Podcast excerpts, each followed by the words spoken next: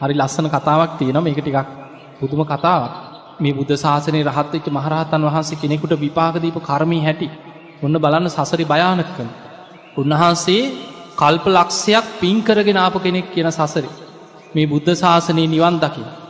බොහෝ කල් පින් කරගෙන පින් කරගෙන ඇවිල්ලා කාශ්‍යප බුදුහාමුදුරුවෝ පිරිනිවන් පාල බුද්ධ ශූන්‍ය කාලෙ දෙව්ලවින් ඇවිල්ල මනුස්සලෝක ඉපදුනා සිටු පවුලක තරුණේ.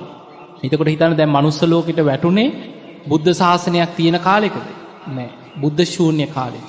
කොච්චර ධනවත් ලස්සන තරුණයෙක් වුණත් මිත්‍යා දෘෂ්ටිය බලවත් පිම්පව් නැති ලෝකෙක තමයි ඉපදුනේ. තැන් තරුණ වයිස යාලෝටිකක් එක පාරයින විහිළු කර කර ඉන්න පාරයනයට. තරුණ කාලිතික හොමනි පාරයනයට විහිළු කර කර තරුණ මදයින් ඉන්නකොට පසේ බුදු කෙනෙක් හිමාල කඳුමුදුන ඉන්න පසේ බුදු කෙනෙක් පින්ඩ පාතය වඩිනවා ඒ පාරදික. කලාතුරකින් ශ්‍රමණයෙක් දකිින් හරි ලැබෙනේ කාලීතින් භික්‍ෂූන් වහසලා නැති කාලයක් සිවුර පොරෝගෙන පසේ බුදුරජාණන් වහන්සේ වඩිනකොට අර පිරිසත් එක්ක හිනා වුන ආම් බලාපම් මොකක් දැහවර ඇඟවටේ උතාගෙනය ඇඳුම සිවුරට. සිවුරට විහිළු කරන්න පටන්ගත්ත. බලපංකිව පාත් මොකක් දර අතේ තියෙන භාජනය පාත්තරය අතේ. හොඳ වැඩක් කර මෝකට කියලා පාරයි නැති අසූචි වගේ. අර අසූචිටි කරගෙන දැම්ම පාත්තරයට. අන්න භයානකම ධර්මාවබෝධයක් නොලබා යන සසරේ. කොච්චර පින්කරගෙන ගියත් සැනින් වරදින්න පුළුවන්. මිත්‍යා දෘෂ්ටික පවුලකට වැටිච්ච ගමන් නොමගයක්. පෙර කර්මයන් නිසාතැන් ඔබ කොහරි මොකක් හරි අකුසලයකට ගිහිල්ල වෙන ආගමක වෙන කොහරි උතුරු නැගෙනහිර පැත්ත මැද පෙරදික පැත්තේ ඉපදුණු. ඒක හරිකෙන දෘෂ්ටියෙන් අකුසල් කර කර ඉන්නැද්ද. ඉන්නවා. ඒ නිසා එදා රැස්කරගත් අකුසලේ මරණින් මත්තේ කෙලින්ම නිරේට වැටුණ. ගෞතම බුදුහාමුදුරුව පහළ වෙනකං අපායම පැහුණ. අපේ බුදුරජාණන් වහන්සේ පහළ වෙනකොට නිවන් දකින්න පිනතියෙන ගෞතම බුද්ධ ශාසනය. ඒ නිසාම අපායෙන් උඩට. ඇවිල්ලා ධනවත් පවුලක ළමේ කැටියට ඉපදුනා සිටු කුමරියකගේ කුසෙන් ඉපදුණ. මේ ළමයා දැන් පුංචි දරුව ඉපදිලා අනේ අම්ම කිරි දෙනවා. කටට ගන්න කිරිටික ගිලින් නැතුව කට දෙ පැත්තෙන් හලන. හලලා මේ පොඩි එකා පස්සෙට අතදාලා සූරල අරගෙන කටේකාගෙන ඒක ගිලින. මොනවද. අසූචි පාත්තරයට අසූචිදාප අකුසලේ. අම්මල හිතුව මේ පොඩිකමට ඇඳුමක් අන්දන්න බෑ මල් මහලා කොහෝ මහරි ඇඳුම් අන්දනම් කොහෝ මහරි ගලවල ඇඳුම වීසික ඇඳුම් නැතුවඉන්න සිවුරට ගරහපු අකුසලේට. දැන් අම්මල කෑම අනල අනල පොඩි කරලා පුතේ කන්න කියලා කටට තියලා කතන්දර කියලා කටට දෙනකොට පූගාල වීසි කරන. කන්නේ අසූචි. දනගාන්න පුළුවන් එන්නකොට දනගාගෙන ගිහිල්ල සත්තුන්ගේ අසූචි කනවා කියන. කොහි හරි අසූචි ගොඩත් තිනොන් දනගාගෙන ගිල ඒ කනවා කිය. කෑමක් කවන්නම් බෑ. ඇඳුමක් අන්දන්න බෑ. අම්මල අත් දෙක පිටිපස්සට තියලා බැඳල කෑම කවනකින ඒත් කටර දෙන එක වමාරල බිමට දාන්න. අසූචි තමයි කන්න. හිතුවා මේ කානං නිගන්ට එක්කත්වෙන්න ඇති ඇඳුමක් අඳින්නේ. අපි ගිහිල්ල නිගන්ටාරාමයකට දෙම අපේ පරම්පරාවටම ලැජ්ජාවක් කියලා දරුව ගෙනහිල්ල දුන්න නිගන්ටයන්ට. නිගන්ට ඇඳුන් නැතුව හිටියට මේ අසූචි කන ජාතියන්නෙමි හොඳට කනවා. බැලුවා මේ ළමය කන්නේ අසූචි නිගන්ටයෝ නිගන්ටාරාමිනුත් ගහල පැන්න. පාරක් පාරක් ගාන යනෝ දැන් ඇඳුන්නෑ පොඩි ළමේ කොල්ලෙක් යනවයික.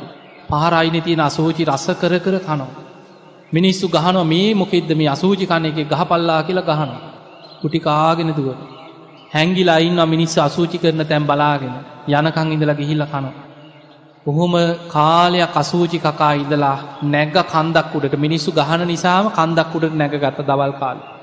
කන්ද උඩට ගිහිල්ල තනි කකුලෙන් හිටගෙනින්. දවල්ට මිනිස්සු රවට්ටා.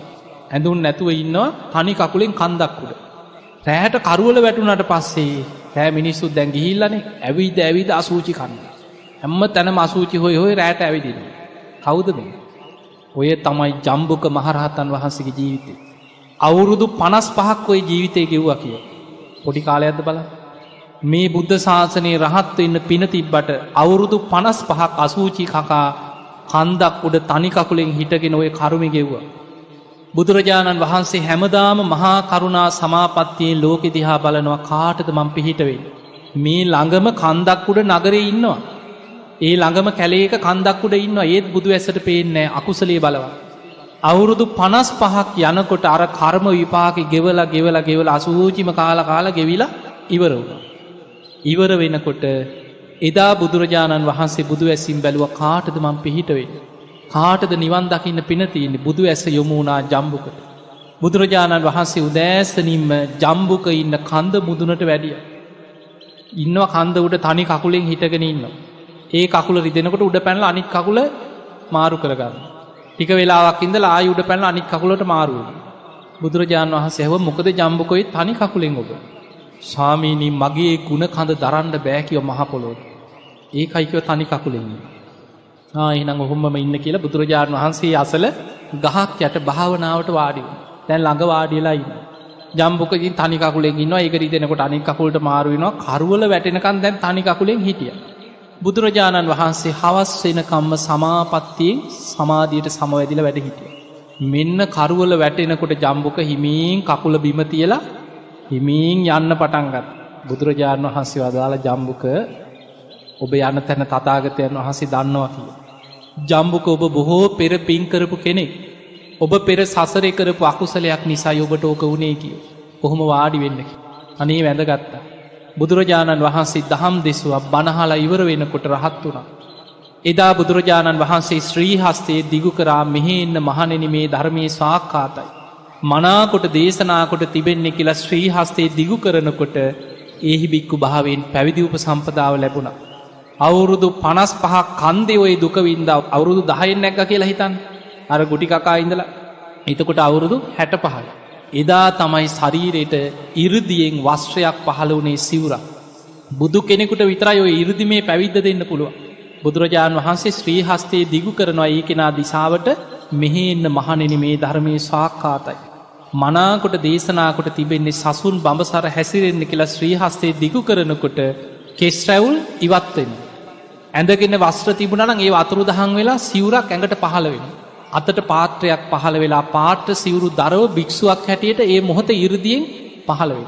ඒ කෙනෙක්ව ඉරදියෙන් පැවිදි කරන්න පුළුවන් බුදු හාදුරන්ට විතරයි. ඒකට කෙනවා ඒහි බික්කු පැවිදි උප සම්පදාව. අවුරුදු ගානක් ඇඳුමක් නැති ශරීරයට චීවරයක් අරහත් දජයේ පහළ වුණ. අතට අසූචි කකා ඇවිදපු මේ අතට පාත්‍රයක් පහළුණ ඉදා තමයි ඉස්සල්ලාම පින්ඩ පාත ගිහිල්ල ප්‍රනීත ආහාර ටිකක් වලදන්න ප්‍රිය ලැබිච්ච දවස රහත් වෙච්ච දවස. එතකොට පේනවනේද රහත් වනත් පිරිනිවන් පෑවත් කරපු කර්මය ගෙවන්න උන් නැත් ගෙවන්න වුණා. ඒ නිසා අපි පින් කරලා තියෙන අපිට මේ වැෑ විපාකෙන් නෑ කියලා අකුසල් කරන්න යන්න එපා පින් කරනවා කිය. ඒ නිසා පිනේ විපාක එනවා නැත්ති නෑ හැබැයි ඒක එන්නේ අරකත් ගෙවලයි. තමයිට කරපු අකුසලේ බලවත්නම් ඒක ගෙවලම තමයි නිවන් දකින්නවෙන්. ඒ නිසා පුළුවන් තරම් පින් කරන්න කුසල් වඩන්න අකුසලෙන් වලකින්.